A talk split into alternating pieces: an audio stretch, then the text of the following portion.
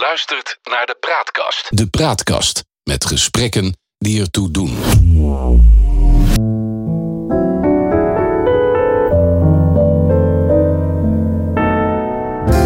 Welkom bij de Praatkast.nl. Dit is een aflevering van het Geheugenpaleis. Mijn naam is John Knierim en samen met Han van der Horst maken we deze podcast. De geschiedenis herhaalt zich nooit, maar rijmen doet hij vaak wel. En in het Geheugenpaleis gebruiken we dat gegeven om dieper in te gaan op de actualiteit. Zo gaan we aan de waan van de dag voorbij en bereiken we de kern van het nieuws. En we scheppen orde in de maalstroom van berichten die het zicht op de grote lijn belemmeren. We ontdekken wat werkelijk belangrijk is. En tussen beide blijkt dat de werkelijkheid vaak genoeg elke fantasie te boven gaat. Vandaag gaan we het opnieuw hebben over de Oekraïne-crisis. Enkele weken geleden maakten we een podcast waarin we onderzochten of Oekraïne meer westers was of dat het toch beter bij Rusland paste.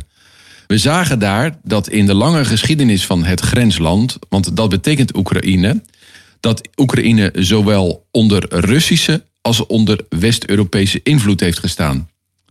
We toonden begrip voor de angst van Poetin en constateerden dat waarschijnlijk een goede oplossing zou zijn om Oekraïne voor de komende jaren een neutrale staat te laten zijn, naar het voorbeeld van Oostenrijk na de Tweede Wereldoorlog. In de afgelopen weken gingen zowel Poetin als de NAVO verder met de opbouw van troepen en militaire uitrusting. Ook bewapend Oekraïne zichzelf verder. En ondertussen wordt er ook diplomatiek gepraat. Poetin eist nog steeds dat Oekraïne nooit lid wordt van de NAVO, naast een heleboel andere eisen. En de USA heeft daar inmiddels formeel op gereageerd. En dat is voor minister Lavrov, de buitenlandse zakenminister van Rusland, toch weer aanleiding om te zeggen: we gaan verder praten. Vandaag gaan we op zoek naar de parallellen met het begin van de Eerste Wereldoorlog, toen het Europese continent zomaar ineens in brand stond. Maar om te beginnen, Han, hoe kijk jij aan tegen de huidige situatie in de Oekraïne? Wordt er nog steeds geëscaleerd of komt er toch iets van ontspanning? Wat mij opvalt is dat juist de Oekraïense regering eh, zich eh, heel erg met een koel hoofd eh, naar buiten presenteert. Dat bleek uit een interview met de vicepresident van het land en ook president Vladimir Zelensky laat zich gematigd uit. Hij heeft laten weten dat naar zijn idee er nog geen echte oorlogsdreiging is. Aan de andere kant uh, accepteert hij wel graag de wapenhulp die hij uh, uit NATO-landen krijgt. En ook de adviseurs blijven welkom. Uh, een bericht dat op een bepaalde manier hoop wekt is het volgende. Canadese soldaten in de Oekraïne hebben zich naar het westen teruggetrokken, achter de rivier de Dnieper. En daaruit blijkt dat ze op geen enkele manier betrokken zouden willen worden bij uh, gevechten met Russen, mocht er aan de grens met de Oekraïne veel verder naar het oosten een conflict uitbreken. Het is heel erg duidelijk, en dat laten die NAVO-landen ook allemaal zien, met woorden en met daden, dat zij geen actieve rol willen spelen als strijders in een oorlog tussen Rusland en de Oekraïne. Dan volgen de zware sancties, dat wordt steeds benadrukt. Want een oorlog zou heel snel ontzettend uit de hand kunnen lopen. Ja, en dat is Oekraïne natuurlijk gewoon niet waard, denken heel veel westerse landen, denk ik. Ja, en ook Oekraïne denkt waarschijnlijk zelf ook dat het uh, geen reden heeft om zich volledig te laten verwoesten, want dat zal het gevolg zijn ja. van zo'n oorlog als die grotere vormen aan zou nemen. Een conflict tussen het oosten en het westen loopt ook groot risico te ontaarden in een atoomoorlog. Ja. Maar goed, daar is uh, zowel het Westen uh, niet op uit, maar Poetin ook niet. Uh, en ondertussen scoort Poetin toch punten. Hij wordt gezien als een wereldmacht op het toneel. Hij mag praten met Biden. Hij heeft de steun van, van China achter zich weten te krijgen. Is niet dat al een groot gedeelte van de doelstelling die hij wilde realiseren, dat daarmee al zeg maar bewaarheid geworden? Nou, we weten niet precies wat zijn doelstelling is, want Poetin houdt zich verder nogal stil. Hij doet ja. heel weinig uitspraken over de Oekraïne. Het is duidelijk dat voor hem eh, een lidmaatschap van de NAVO voor de Oekraïne een stap te ver is. Ja. Maar Oekraïne heeft dat lidmaatschap nog niet aangevraagd. En ik denk ook niet dat de Oekraïne daartoe overgaat. Het Maar is gaat het wel niet- duidelijk, Ja. het is wel duidelijk dat de NAVO de Oekraïne op allerlei manieren steunt. Ja. Behalve met manschappen die een gevechtstaak hebben. Alleen met adviseurs, en dat gaat naar mijn idee al ver genoeg. Ja, ja. Ik begrijp ook dat eh, Turkije drones eh, levert. Turkije is natuurlijk Ja. sterk in, in drones. Ja. Maar is nou niet de grootste angst van, van Poetin dat, dat eh, de Oekraïne, eh, wat zich toch aan het ontwikkelen is, wat meer en meer een blik krijgt eh, naar het Westen toe, hè, waar, waar er toch een verschuiving is in, in sympathie voor het Westen, waar de meerderheid van de bevolking dat eigenlijk al zo ziet, maar waar ook de democratie langzaamaan sterker wordt. Is dat nou niet zijn grootste angst dat dat over zou kunnen lopen naar, de- naar Rusland? En zou dat er ook nog achter kunnen zitten? Dat zou best kunnen, maar dat is eh, moeilijk om te zeggen. In Ja. eh, New York Times heeft een heel groot artikel gestaan over de adviseurs van Poetin. En in dat artikel wordt uitgelegd dat hij in het begin van zijn bewind, zeg maar, de eerste jaren van deze eeuw, zich omgaf met eh, moderne, liberaal denkende experts. En dat die nu steeds meer vervangen worden door eh, ja, diepgelovige Ja. nationalisten. Daar wordt er voor mij in dat artikel ook gezegd dat de, de mensen die in, in Oekraïne echt voor onafhankelijkheid zijn, dat zijn onmensen. Dat zijn eigenlijk geen mensen volgens mij. Ja, Eh, dat- en eh, ja. degene die dat zei, dat was de minister van Defensie, die heet Sergei Shoigu. Er is een andere adviseur, dat is de chef spionage in het buitenland, Sergei Narishkin. En die is tegelijkertijd een, een soort voorzitter van het Russisch historisch genootschap. Dit zijn mensen die diep in de geschiedenis terugkijken. Ja. En die Narishkin die heeft bijvoorbeeld geconstateerd dat in de 16e eeuw Lang geleden. de westerse mogendheden. Ivan de Verschrikkelijke, de eerste echte tsaar van het Russische Rijk, Ja. al probeerde de voet dwars te zetten toen hij eh, de moraal wilde verdedigen. Ja. Eh, er staan berichten in de Russische kranten dat hier in het Westen binnenkort het huwelijk tussen Ja. mens en dier zal worden Ja. gerealiseerd. Ja. Ja.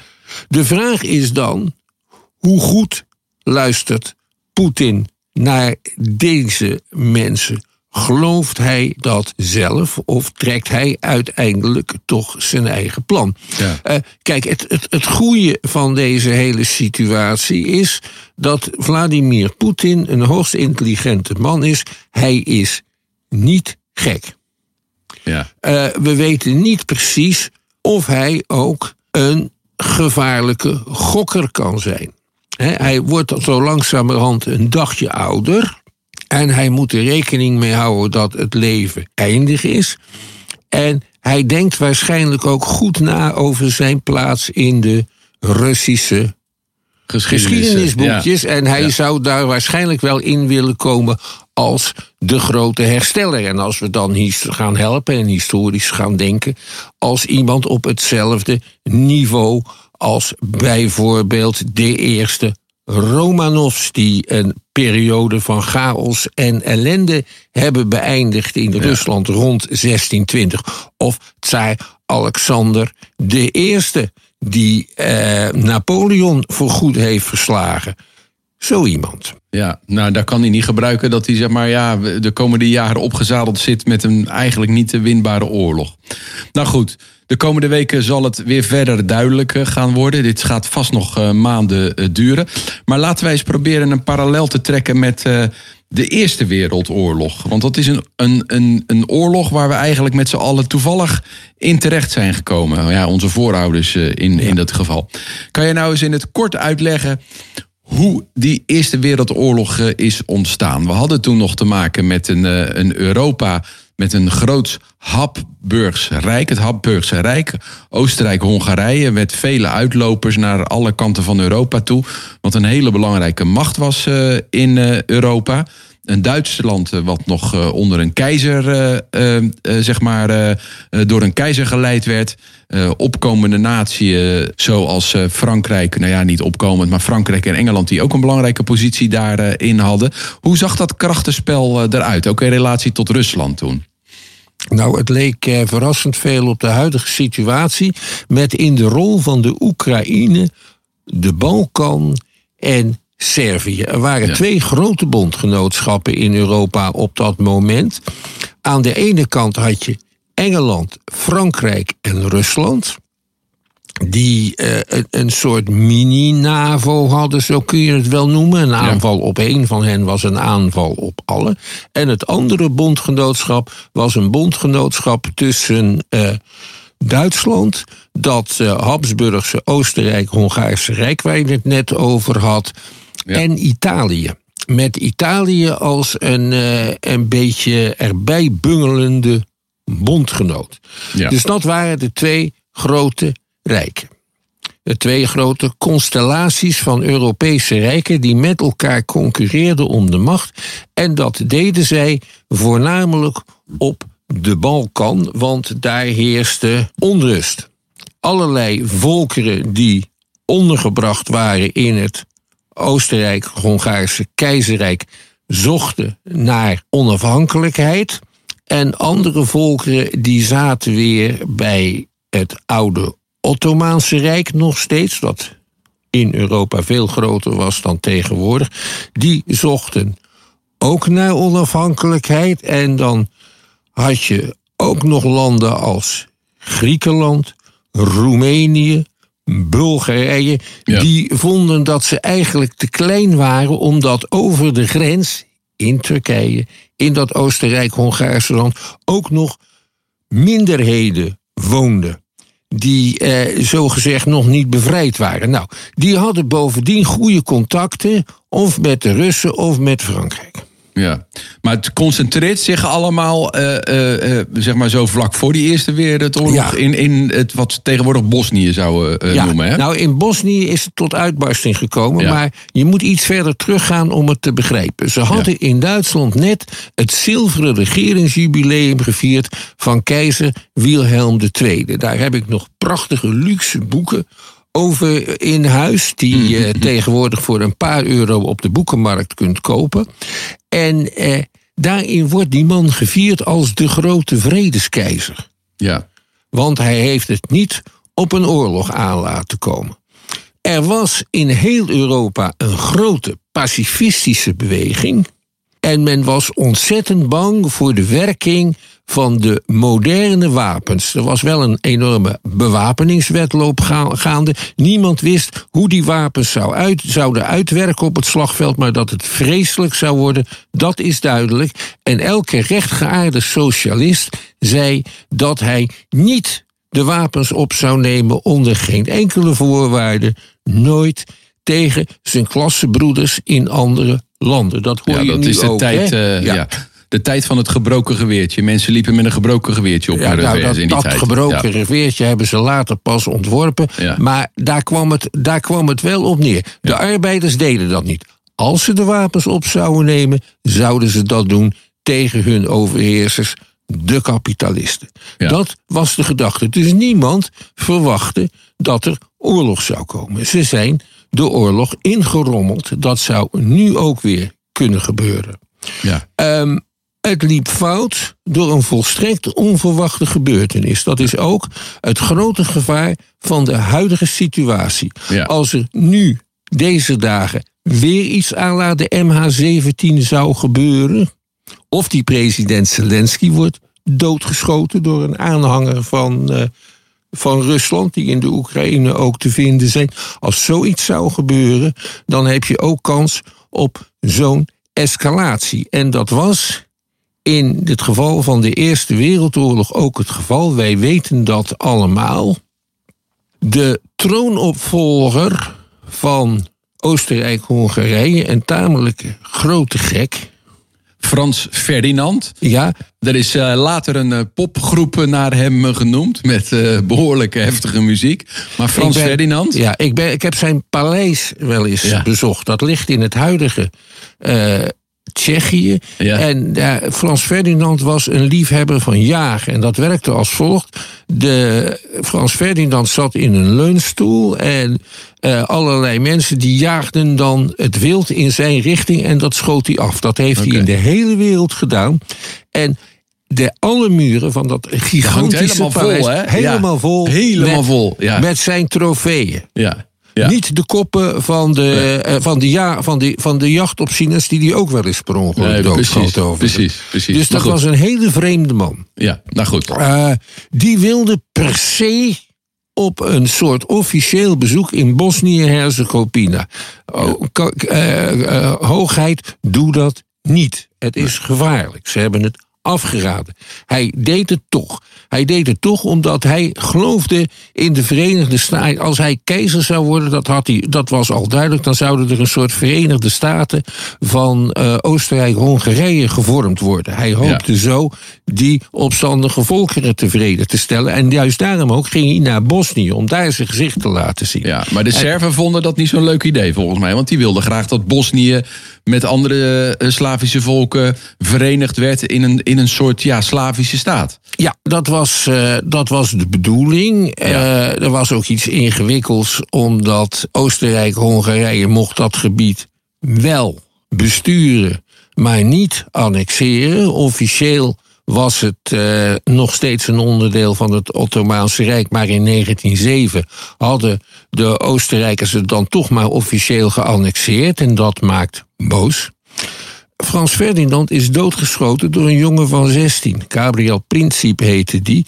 En die maakte deel uit van een klein terroristisch clubje, de Zwarte Hand. Ja. Hij kon de keizer, of de keizer, sorry, hij kon de, de troonopvolger en zijn vrouw doodschieten, omdat eh, hij in een open auto door de stad reed. Ja, ja, ja, ja. Panzerwagens en zo, gepanzerde limousines en zo, dat goed, is iets van later tijd. Dat, toen, eh, toen was de, de troonpretendent eh, eh, vermoord. En toen kon eh, Oostenrijk-Hongarije dat natuurlijk niet ongemerkt voorbij laten gaan. nee. En toen dreigden ze natuurlijk ja, eh, een aanval te gaan plegen op Servië. Ja. En dat zette natuurlijk een. Ja, die, die, dat risico daarop zou ook een hele cascade in gang eh, zetten van gebeurtenissen. Ja, wat had er eigenlijk moeten gebeuren? De troonopvolger is dood. Die is slachtoffer geworden van een terroristische aanslag. Ja. Dat kan de regering in Oostenrijk-Hongarije.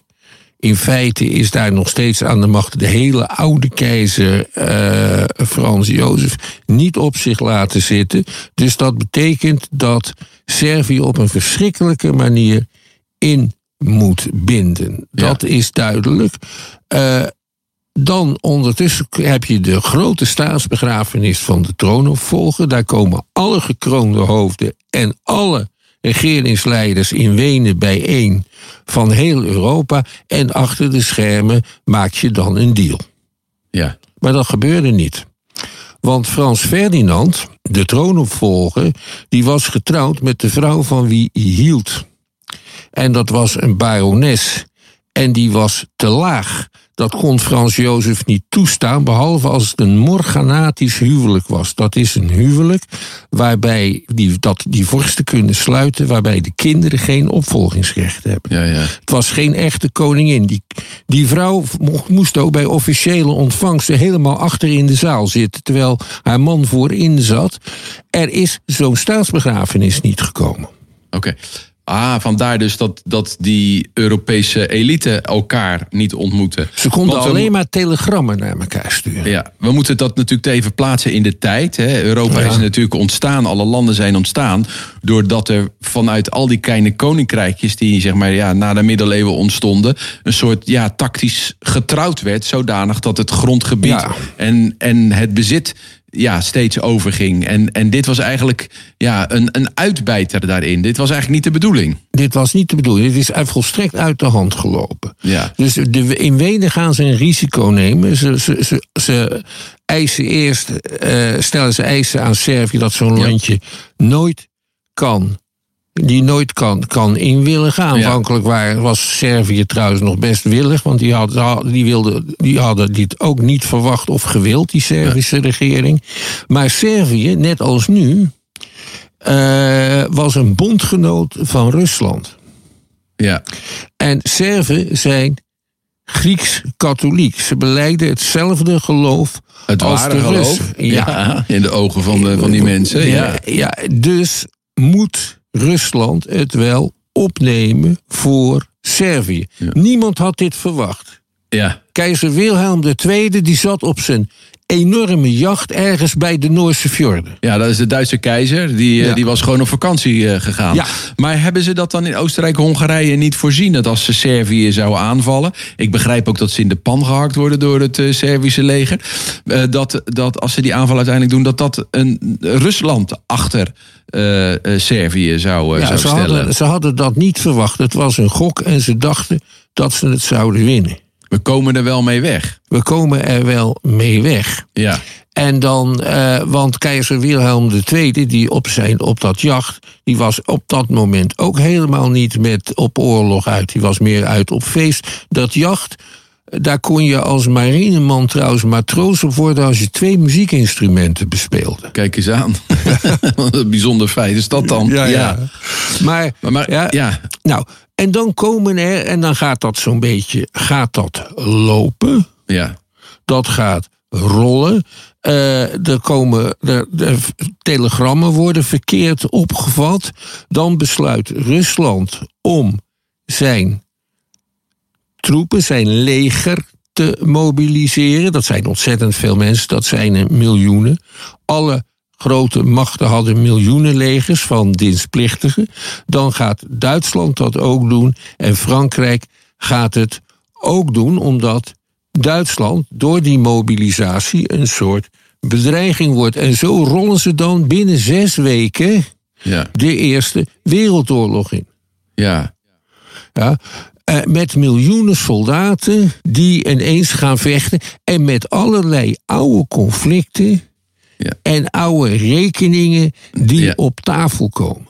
Ja, want iedereen had op een zekere, op een zekere manier ook wel belang eh, eh, eh, bij Ja. de oorlog. Want die dachten ervan te kunnen profiteren. Ja, en, dat, en dat zien wij hier bijvoorbeeld niet. Nee. Frankrijk had in 1870, 71 een oorlog tegen Pruisen en andere Duitse staten verloren. En daardoor waren de Elzas en Lotharingen onderdeel geworden van het Duitse Rijk. Dat wilden ze graag terug hebben. Dat was een, eh, een enorme vernedering. Ehm, allerlei Rusland had ook belang, waarschijnlijk, Ja, om het die- beetje, een beetje op te schuiven naar het westen toe, denk ik. Eh, ja, nou, die, die hadden ook weer last van allerlei eh, opstandige volkeren in eigen kring. hè. Het grootste deel van Polen maakte bijvoorbeeld deel uit van het eh, Russische Rijk. Ja. En de Polen zagen dus nu kansen om in troebel water te vissen. Op een Ja. hele rare manier en ingewikkelde wijze hebben ze dat gedaan. Dus er komt dan van alles weer opdagen. Dat zit er nu ook weer in. Want stel je voor dat er een heel scherpe eh, conflict situatie komt tussen Rusland en het Westen. Eh, hoe zullen dan de grote Russische minderheden in Litouwen, in Estland en in Letland reageren? En zal Ja. Rusland dan niet vinden dat het tijd wordt om die landen eindelijk eens te bevrijden van het westerse juk? Dus er zijn allerlei overeenkomsten. Het mooie is, denk ik, dat als men in het Westen en in het Oosten zoveel historisch gevoel heeft, dat men die parallellen ook wel ziet. Dat je op een gegeven moment jezelf een oorlog in kunt rommelen. Rommelen, ja. Ja, dus het belangrijke is dat er nu geen onverwacht buitengebeuren plaatsvindt. Dat Ja. er niet eh, een stelletje freelancers zich aan een van beide kanten gaat opstellen en iets doen. Je zou je bijvoorbeeld ook kunnen voorstellen... de een of andere Oekraïne denkt, weet je wat... ik ga me voor het Kremlin opblazen. Ja, precies. Ja. Dat soort zaken. Dat heb je natuurlijk ook wel gezien eh, tussen India en Pakistan. In, Ja. eh, in eh, de, de provincie die ze hebben twisten, waarvan mij de naam even ontschoten Kashmir is. en- Kashmir, ja. Ja. En, eh, eh, en daar, ja, daar, on- daar ontstaat wel eens wat. Maar dat zijn Ja. ze dan toch altijd weer in staat Ja. binnen een Hoewel- paar weken eh, in de kiem te smoren. Hoewel dat heel ver kan gaan. Ik heb wel Ja. eens een keertje in een baan van mij ruzie gekregen met Indiaanse universiteiten. Ja. En hoe kwam dat? Wij hadden een kaartje gepubliceerd van India en Pakistan. En dat hadden we besteld bij een Vlaamse producent van, uh, van actuele kaartjes. En die Vlamingen, als Vlamingen, waren aanhanger van, uh, van uh, Pakistan. Die vonden dat Kashmir bij Pakistan hoorde. En dat, dus die grens liep verkeerd op dat kaartje. Ja. Dat had ik natuurlijk moeten zien, maar ik had het niet gezien. Dat werd zeer hoog opgenomen. Ja, dat snap dat ik. hebben we natuurlijk wel gered en zo, maar ja. wel excuses van de voorzitter en zo. Ja, dan waren we India uitgegooid. Dus dat, dus dat, ligt, dat ligt heel scherp. En het goed, punt is ook dat, dat het ook nog een conflict is. Ja. Dat conflict, waarbij beide partijen wel een beetje gelijk hebben. Ja. Want maar goed, ooit- dat, dat is natuurlijk in de Oekraïne, hè, als we daar weer even op terugkomen. In de Oekraïne natuurlijk ook zo. Daar is wat Ja. voor te zeggen, hebben we vorige keer al gezegd. Ja. Voor, voor wat meer Russische invloed. Het is ook wat, eh, wat Westers te wonen inmiddels. Heel veel van oorsprong Russen erin. Ja. Dus het is een beetje een hybride eh, gebeuren. Maar als er dan, hè, laten we er nou eens van uitgaan dat er toch een ongeluk gaat gebeuren, iets ontstaan. Dan is er nog steeds de mogelijkheid om toch niet daarna door te esca- escaleren. Door de diplomatie, door, door allerlei zaken die, die daarin geïnterveneerd kunnen worden. Het is ook niet meer, we zitten ook niet meer in 1914. Nee, het is niet 1914. Er is nog een ander groot voordeel. We weten nu wel wat de effecten zullen zijn van de moderne wapens die we hebben. Ja, precies. Ja, want we zaten toen natuurlijk net in een, in een soort geïndustrialiseerde oorlog. Daarvoor Ja. werd het nog gewoon op het veld tegen elkaar gevochten. En die Eerste Wereldoorlog is de eerste oorlog, wereldoorlog waarin vliegtuigen, bommen werden gebruikt. Nou ja, uiteindelijk leidde dat tot een jarenlange eh, loopgravenoorlog die Ja. heel Europa eh, verdeelde. Dus er zijn wel heel veel dingen die ook weer anders zijn. Het rijmt wel, maar Ja. er zitten ook wel veel zaken waarvan ik denk, nou, daar kunnen we met z'n allen toch wel uit wegkomen. Ook de diplomatie. Ik bedoel, eh, een fax of een, een, een telegram dat niet overkomt of wat dan ook. Ja. Nee, de, we, we hebben elkaar allemaal zo, kunnen we elkaar bereiken via Ja. Zoom of een meeting of wat dan Eh, ook. Wat bijvoorbeeld eng is en 1914, 18, 1914-achtig lijkt, is een, is een actie als Boris Johnson, die eh, heel scherp tekeer gaat, maar daarmee de aandacht kan afleiden Precies. van een ha- schandaal thuis. Ja, ja dat, dat de oorlog, een, een leider kan ook altijd weer de oorlog gebruiken natuurlijk. Ja. Hè? Want dan schaart het volk zich achter de leider. Ja, dan ook nog dat de macht in handen is van oude bazen. Ja, Hè, dat is in de Verenigde Staten erg het geval. Dat is een behoorlijke gerontocratie geworden. ja, ja. Ja. En dat is ook gevaarlijk, vind je?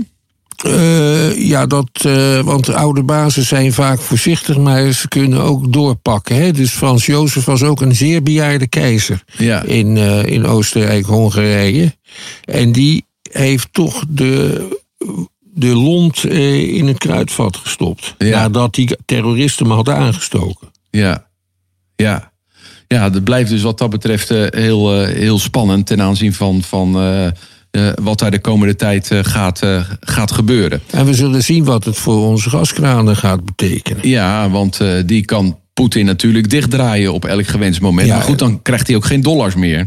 Nee, maar die kan die dan wel van de Chinezen krijgen, want die willen dat gas wel hebben, denk ik. Ja, dan moet hij dat omleiden. die ja, hebben ja. net zoveel problemen met, eh, met energie als wij nu. ja, ja, ja, ja, Aan de andere kant, ik, ik, heb, ik heb mijzelf getest ja, op corona. En waar kwam de test vandaan? Uit China. ja. Ja, precies. De Chinezen hebben wat dat betreft al eh, behoorlijke overheersing over de wereld. Nou goed, het is aardig om eens even terug te kijken op eh, het ontstaan van die Eerste eh, Wereldoorlog. Het, ook toen, zeg maar, in dat gebied zo ja, op het kruispunt van Oost, West en meer, meer, meer Zuid. Ja, en daar bevindt het zich nu ook weer. We moeten het eh, hierbij laten voor de, deze eh, aflevering. Maar we hebben nog wel post gekregen naar aanleiding van een aflevering eh, over, eh, over de arbeidsmarkt eh, voor de oudere werknemers. Hans die reageert op ons. Die vindt die geeft ons een compliment en geeft aan dat hij zelf als 14-jarige was begonnen met werken.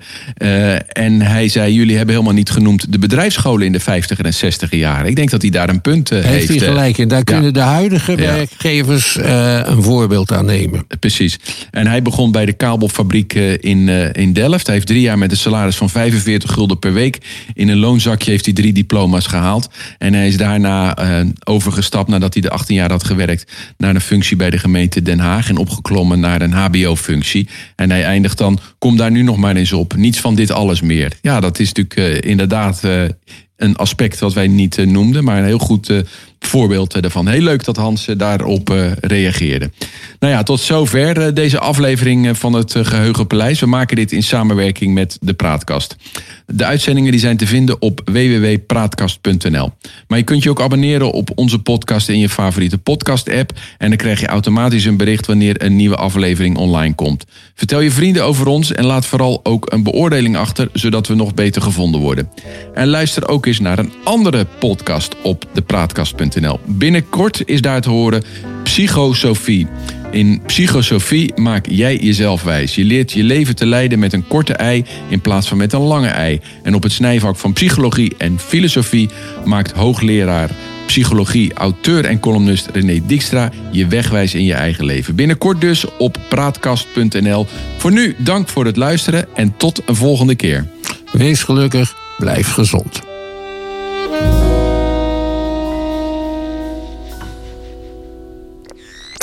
Luistert naar de Praatkast. De Praatkast met gesprekken die ertoe doen.